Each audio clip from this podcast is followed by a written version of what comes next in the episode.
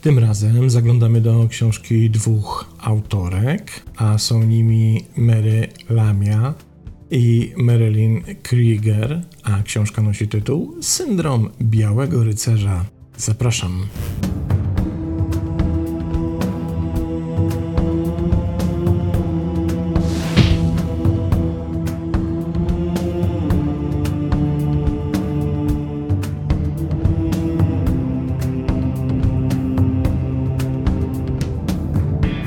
Jak zwykle zaczniemy od sprawdzenia, kim są autorki książki, a pod względem obszerności opisów w swoich biogramach na swoich stronach internetowych nie są obydwie panie zbyt wylewne, ale posłuchajmy.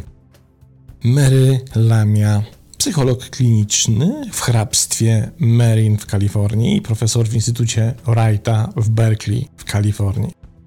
Autorka kilkunastu książek i kilkudziesięciu artykułów naukowych oraz laureatka wielu prestiżowych nagród i wyróżnień, publicystka znana z łamów wielu pism i magazynów dedykowanych psychologii i psychiatrii.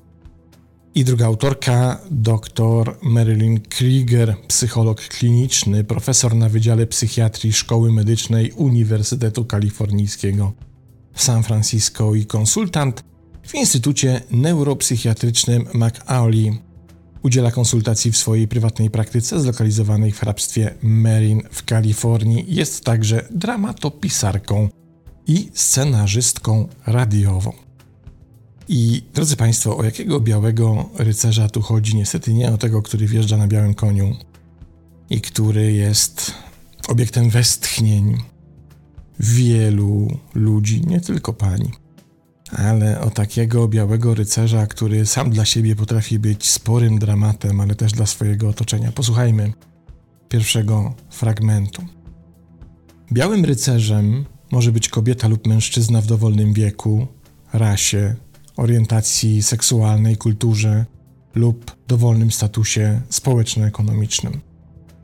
Współczesny prawdziwy biały rycerz może wydawać się klejnotem w roli partnera, ale w rzeczywistości jest bohaterem tragicznym. Biali rycerze wykazują nie tylko chęć, ale i potrzebę ratowania. W rzeczywistości często podświadomie biali rycerze szukają partnerów wśród osób szczególnie potrzebujących lub bezbronnych. Zatem w naszej konceptualizacji syndromu białego rycerza skłonność i potrzeba ratowania są podstawowymi wymaganiami białego rycerstwa. Biały rycerz ma nadzieję otrzymać od swojego partnera podziw, uznanie i miłość. Jednak na głębszym poziomie kompulsywny ratownik próbuje naprawić negatywne lub uszkodzone poczucie własnej wartości, które rozwinęło się w dzieciństwie. Niestety, wybór partnera przez białego rycerza i sposób, w jaki ten partner jest ostatecznie traktowany, często symbolicznie powtarza ten sam rodzaj cierpienia, jakiego sam biały rycerz doświadczył w dzieciństwie. Zamiast naprawić poczucie siebie, to powtarzanie schematu z dzieciństwa sprawia, że biały rycerz czuje się pokonany. Dopóki biały rycerz naprawdę nie rozumie swoich motywów, jego dążenie do samoleczenia poprzez nieustanne ratowanie będzie skazane zawsze na nieszczęście i zawsze na porażkę. Można odnieść wrażenie, że biali rycerze traktują swoich partnerów altruistycznie, ale ich altruistyczne wysiłki często reprezentują walkę z własnymi wewnętrznymi konfliktami. Czy to oznacza, że ratujące zachowanie białego rycerza nie jest prawdziwie altruistyczne? Biali rycerze często mają za sobą historię straty, porzucenia, traumy lub nieodwzajemnionej miłości. Wielu z nich było głęboko dotkniętych emocjonalnym lub fizycznym cierpieniem opiekuna. W naszej pracy z białymi rycerzami, piszą autorki, odkryłyśmy, że są oni wrażliwi i bezbronni emocjonalnie. A te cechy sprawiają, że inni łatwo ich ranią. Główne siły psychologiczne działające w Białym Rycerzu to zwiększone poczucie empatii, nadmierne poczucie winy i intensywny strach przed dystansem emocjonalnym. I z tymi białymi rycerzami jest trochę tak jak z narcyzami. Na zewnątrz wyglądają narcyzi na ludzi bardzo pewnych siebie, o wysokim poczuciu własnej wartości, o takim, wydawałoby się, bardzo mocnym, tożsamościowym fundamencie, a wewnątrz jest zupełnie inaczej. Wewnątrz dzieją się rzeczy, których bardzo nie chcą na zewnątrz pokazać i do których często przed samymi sobą bardzo nie chcą się przyznać, jak na przykład bardzo poważnie zaniżone poczucie własnej wartości. Podobny schemat ma miejsce w przypadku białych rycerzy. My ich widzimy jako ratowników, znamy ich głównie z analizy transakcyjnej i z trójkąta dramatycznego Karpmana, gdzie mamy ten układ ratownik, ofiara i oprawca. I myślimy sobie, że ratownik ratuje, bo oczywiście odczuwa taką potrzebę, ale głównie kierując się altruizmem, potrzebą wsparcia drugiej osoby. W rzeczywistości ratownik ratuje tak naprawdę sam siebie. On poprzez ratowanie drugiej osoby, ten biały rycerz, próbuje pokonać coś, z czym zmaga się na głębokim planie wewnętrznym i z czym nie potrafi sobie po prostu poradzić. I by odwrócić uwagę od tego, co dzieje się wewnątrz, kieruje ją właśnie na zewnątrz, jakby pomagając, ratując innych, zagłusza przed samym sobą to, że tak naprawdę to on oczekuje ratunku i nie potrafi go sobie sam udzielić. I obydwie pani autorki przygotowały krótki test i pozwolę sobie ten test przeczytać. Waszym zadaniem, drodzy widzowie, będzie przy tym teście odpowiedzenie sobie na pytanie, czy odnajdujesz tam w tych słowach ziarno prawdy, czy też jest to absolutnie całkowity fałsz i rzecz, która żaden sposób do ciebie nie przystaje. I to taki test, który możemy sobie wykonać, czy jest nam blisko do białego rycerza, czy jesteśmy białym rycerzem, czy też w ogóle nas to nie dotyczy. Jak piszą autorki, zdecyduj, czy poniższe stwierdzenia są dla ciebie prawdziwe, czy fałszywe. Pierwsze. Na początku naszego związku mój partner, partnerka sprawił, sprawiła, że poczułem, poczułam się jak idol, idolka. Punkt drugi. Muszę bardzo uważać na to, co mówię i robię, aby nie zdenerwować lub nie rozgniewać mojego partnera. Punkt trzeci. Czuję, że odpowiedzialność za zarządzanie swoim życiem i życiem mojego partnera spoczywa na mnie. Punkt czwarty. Trwałam, trwałem w związkach z poczucia winy lub zmartwienia o mojego partnera czy partnerkę. Piąte. Na początku związku postrzegałem, postrzegałam mojego partnera, partnerkę jako niebezpiecznie ekscytującego, ekscytującą i egzotycznego, egzotyczną. Punkt szósty. Często wiem lepiej niż mój partner, co jest dla niego najlepsze. Punkt siódmy. Ludzie nie zdają sobie sprawy, że jestem niezwykle samokrytyczna, samokrytyczny. Punkt ósmy.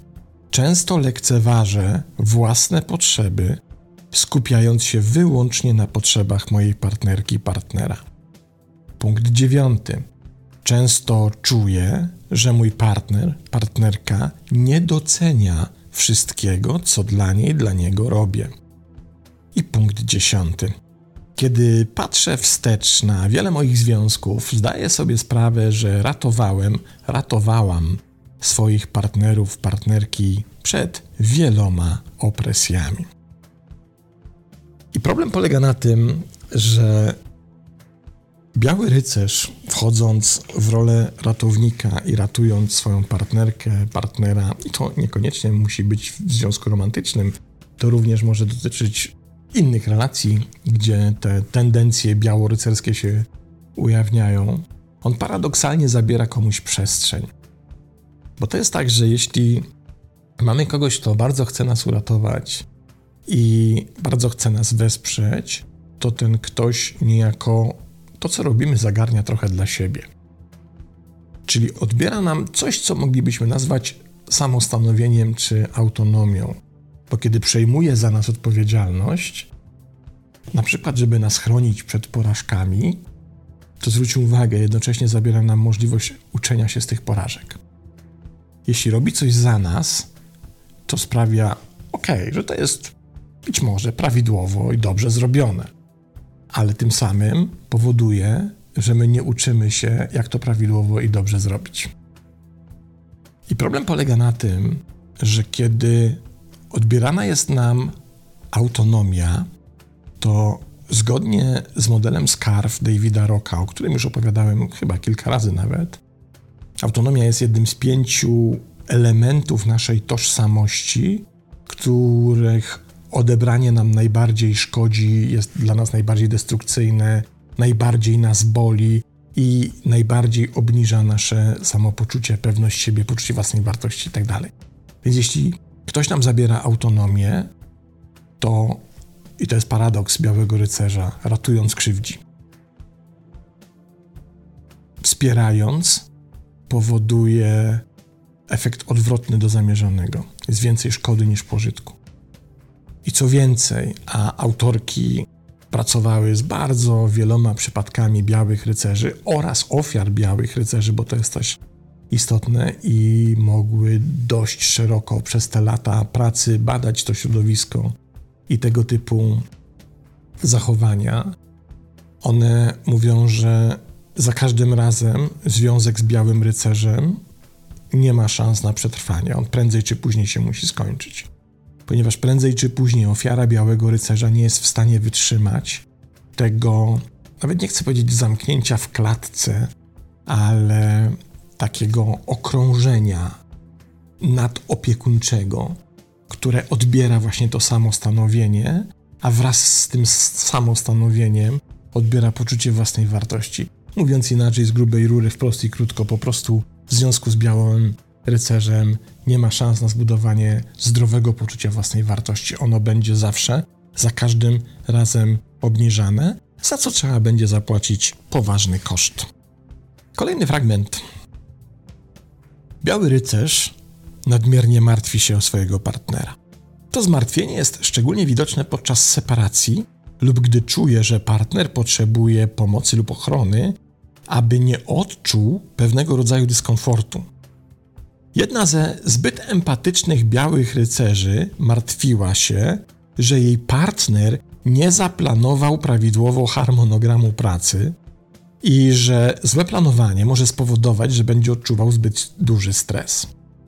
Chociaż mogła mieć oczywiście rację, przewidując stres partnera, kiedy stworzyła komputerowy arkusz kalkulacyjny z jego różnymi zadaniami, aby pomóc mu lepiej zarządzać czasem, poczuł się urażony jej pomocą i upokorzony. W takich sytuacjach biały rycerz często czuje się zraniony, jeśli nie zły, gdy partner odrzuca to, co mu oferuje, lub postrzega pomoc białego rycerza jako krytykę własnej aktywności lub jako coś, co jest uciążliwe. Nadmiernie empatyczny biały rycerz może prywatnie przypisać sobie część zasług za sukces swojego partnera. Jednak może również postrzegać sukces swojego partnera z ambiwalencją, ponieważ ten biały rycerz boi się dystansu emocjonalnego, może się martwić, że jeśli jego partnerka czy partner odniesie sukces, może już nie potrzebować takiego związku lub nie chcieć, by był on kontynuowany. Poczucie własnej wartości białego rycerza zależy więc od uznania przez innych ludzi jego bohaterskich cech. Ten paradygmat, w którym poczucie własnej wartości białego rycerza jest powiązane ze słabością innej osoby, oznacza, że może on czuć się dobrze ze sobą tylko wtedy, kiedy przewiduje zapewnienie ulgi, przyjemności lub szczęścia komuś, kto ma potrzebę, którą może zaspokoić. Ponieważ jego poczucie własnej wartości zależy od słabości innej osoby, a nie od bezpiecznego i zdrowego poczucia siebie, poczucie własnej wartości białego rycerza będzie zawsze zagrożone, a jego relacje będą dysfunkcyjne. Syndrom białego rycerza wynika z wysiłków jednostki zmierzających do naprawy uszkodzonego poczucia siebie poprzez ratowanie partnera, który z kolei będzie tę pomoc pielęgnował i idealizował. Niestety i autodestrukcyjnie bezpieczeństwo białego rycerza można znaleźć tylko u partnerów, którzy pozornie mają mniej mocy niż on sam. I tutaj się pojawia jedna z najgroźniejszych pętli, na którą w ogóle nie zwracamy uwagi w kontakcie z białymi rycerzami. Biały rycerz, by odbyć tę walkę, by w ogóle sobie poradzić z tą wewnętrzną walką, którą toczy sam ze sobą, on tak naprawdę nie potrzebuje tego, by ci pomóc. On nie potrzebuje tego, by cię ratować, by cię wesprzeć. Uwaga, on potrzebuje, byś była, byś był słabszy od niego. Bo tylko wtedy jest w stanie zagłuszać to, z czym sam się zmaga. Jeśli odkryje, że nie jesteś wystarczająco słaba czy wystarczająco słaby, to posunie się nawet do manipulacji, by ci udowodnić, że jednak się mylisz i że potrzebujesz jego wsparcia, bo wcale taka mocna, czy też mocny nie jesteś. Czyli mówiąc inaczej, biały rycerz, by utrzymać pozycję ratowniczą, będzie robił wszystko, by jego pomoc była stale potrzebna i stale zasadna, nawet jeśli tak w ogóle nie jest. Takim związku i w takiej relacji nie da się wzrastać. Nie ma takiej możliwości, bo on czy ona zawsze przyjdą i zawsze cię osłabią, zawsze ci wykażą, zawsze zrobią wszystko, by ci wykazać, że to, co robisz samodzielnie, jest mniej wartościowe niż to, co możesz zrobić przy jego wsparciu i jego pomocy. Mówiąc inaczej, bez nich nie istniejesz, bez niego nie istniejesz, bez niego sobie nie poradzisz. On jest niezbędny do tego, żebyś funkcjonowała czy funkcjonował. To jest tragikomiczne i jednocześnie przerażające, jak słabości, jakiej wielkiej słabości partnera potrzebuje biały rycerz, by móc funkcjonować. To jest w kontekście relacji i związków, w moim przekonaniu, pewnie jedno z wysokich miejsc, a może nawet i samą podium toksycznych relacji i definicji tego, jak wygląda toksyczny związek i w jaki sposób możemy w tym związku być poddani właśnie takiej toksykacji. Uwaga! Biali rycerze unikają patrzenia na siebie i własne nieszczęście, więc poszukują sytuacji, która zmusza ich do przekierowywania swojej uwagi na zewnątrz, a nie do wewnątrz. Biali rycerze zazwyczaj czują się niedoceniani, ponieważ szukają odpowiedzi, której nie mogą zapewnić im ich partnerzy, uzdrowienia ran z przeszłości i ulgi od poczucia bycia wadliwym lub niegodnym. By ukryć swoje rany, biali rycerze kształtują zachowanie ratunkowe jako nawykowe sposoby ochrony przed emocjonalnym dyskomfortem i bólem. Samoobrona białego rycerza jest reakcją na rzeczywiste lub wyimaginowane zagrożenia, zarówno wewnętrzne, jak na przykład reakcja na samokrytykę, jak i zewnętrzne, jak na przykład reakcja na możliwość odrzucenia. Niezależnie od tego, biały rycerz, czy ratuje swojego partnera przed bolesnymi wspomnieniami z dzieciństwa, czy spędza godziny na projektowaniu strony internetowej partnera, zachowania ratownicze wydają się być jego podstawową częścią, jego elementem, wręcz piszą autorki, częścią jego serca, elementem jego tożsamości. To ratujące zachowanie daje białemu rycerzowi poczucie dumy i wartości. Rzeczywiście wielu białych rycerzy określa siebie jako altruistów lub coś w tym stylu, na przykład mówiąc o sobie dobry człowiek lub wskazując, że posiadają wielkie serce. Biały rycerz zazwyczaj postrzega siebie jako altruistę i osobę empatyczną, szczególnie w relacji z partnerem. To poczucie altruizmu i empatii jest kluczową częścią jego samookreślenia. To, co naprawdę definiuje altruistę, było przedmiotem wielu debat, w miarę jak filozofowie i socjolodzy zmagali się ze znaczeniem różnych motywacji, które powodują pomaganie lub zachowania altruistyczne. Dlatego ograniczyliśmy naszą definicję altruizmu do zachowań ratunkowych, w przypadku których świadomą intencją białego rycerza jest pomoc swojemu partnerowi. Jednak, i to istotne bardzo, motywacje i oczekiwania białego rycerza odzwierciedlają jego podstawowe konflikty i często obejmują chęć poczucia się potężnym, potrzebnym, godnym i bezpiecznym. W obawie przed własną niedoskonałością wypacza wydarzenia lub cechy własne lub cudze, aby utrzymać wizerunek siebie jako kogoś nieomylnego. I tu jest właśnie chyba jeden z podstawowych problemów. Na początek związek z Białym Rycerzem wydaje się czymś niewinnym, relacją z osobą, która udziela wsparcia, która się troszczy, która załatwia za nas rzeczy trudne, z którymi sobie nie do końca radzimy, czy też wskazuje nam właściwe ścieżki i właściwe rozwiązania. Ale z biegiem czasu Biały Rycerz zaczyna się rozkręcać. Im dłużej trwa ten związek, tym bardziej to jest tak jak z wkładaniem nogi między drzwi.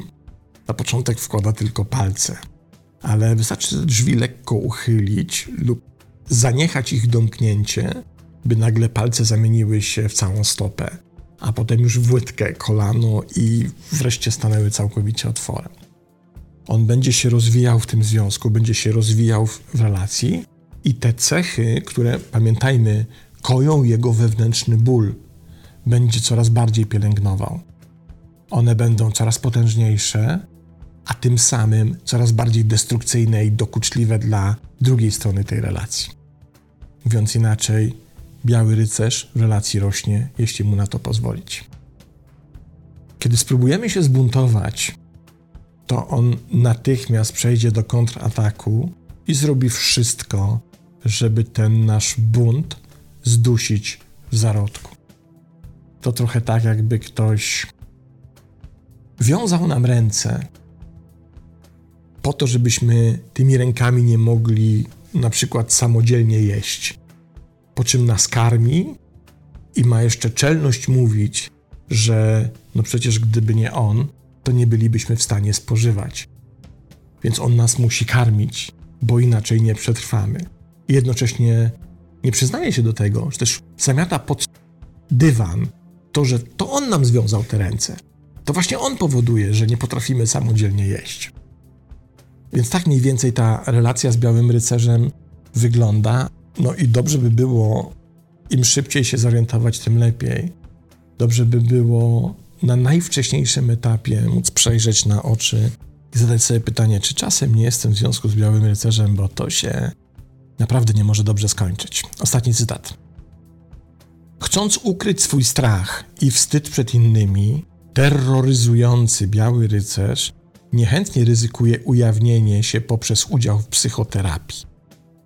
Jeśli rzeczywiście zdecyduje się na leczenie, dzieje się to zwykle pod naciskiem źródła zewnętrznego. Na przykład partnera, który grozi odejściem, lub jakiejś instytucji zewnętrznej, lub jakiejkolwiek innej, która wymaga od niego terapii. Biały rycerz może też być emocjonalnie destrukcyjny dla swojego partnera, odmawia wzięcia odpowiedzialności za swoje czyny, krytycznie odnosi się do partnera i nie chce wczuć się w jego rolę, wywołując w nim to samo poczucie nieadekwatności, które istnieje w nim samym. W wyniku tych manewrów samoobrony partner często czuje się upokorzony i chce opuścić związek. I dopiero wówczas biały rycerz szuka terapii, gdy czuje się pusty lub przygnębiony, gdy chce naprawić partnera, którego uważa za niewdzięcznego i kiedy czuje się nieszczęśliwy, gdy jego partner grozi opuszczeniem związku. I to jest fascynujący efekt i fascynujący mechanizm, kiedy biały rycerz pojawia się na terapii i kiedy jest proszony o zdefiniowanie swojego problemu, mówi, że jego problemem jest jego partner. Nie on sam. Problemem jest partner czy partnerka, które nie doceniają jego zachowania, jego troski, jego opieki. Partner partnerka, którzy są niewdzięczni, którzy go przez to unieszczęśliwiają. On przychodzi na terapię, żeby poradzić sobie z tym, że partnerzy są B, a on oczywiście jest cacy. Jest dokładnie odwrotnie. To niestety słynne B jest po jego stronie. Dwie autorki, Mary Lamia i Marilyn Krieger i książka Syndrom Białego Rycerza. Ratowanie siebie przed potrzebą ratowania innych. Bardzo polecam tę książkę. Niestety nie znalazłem jej polskiego wydania, więc najprawdopodobniej takiego nie ma. To tyle. Pozdrawiam i do następnego razu.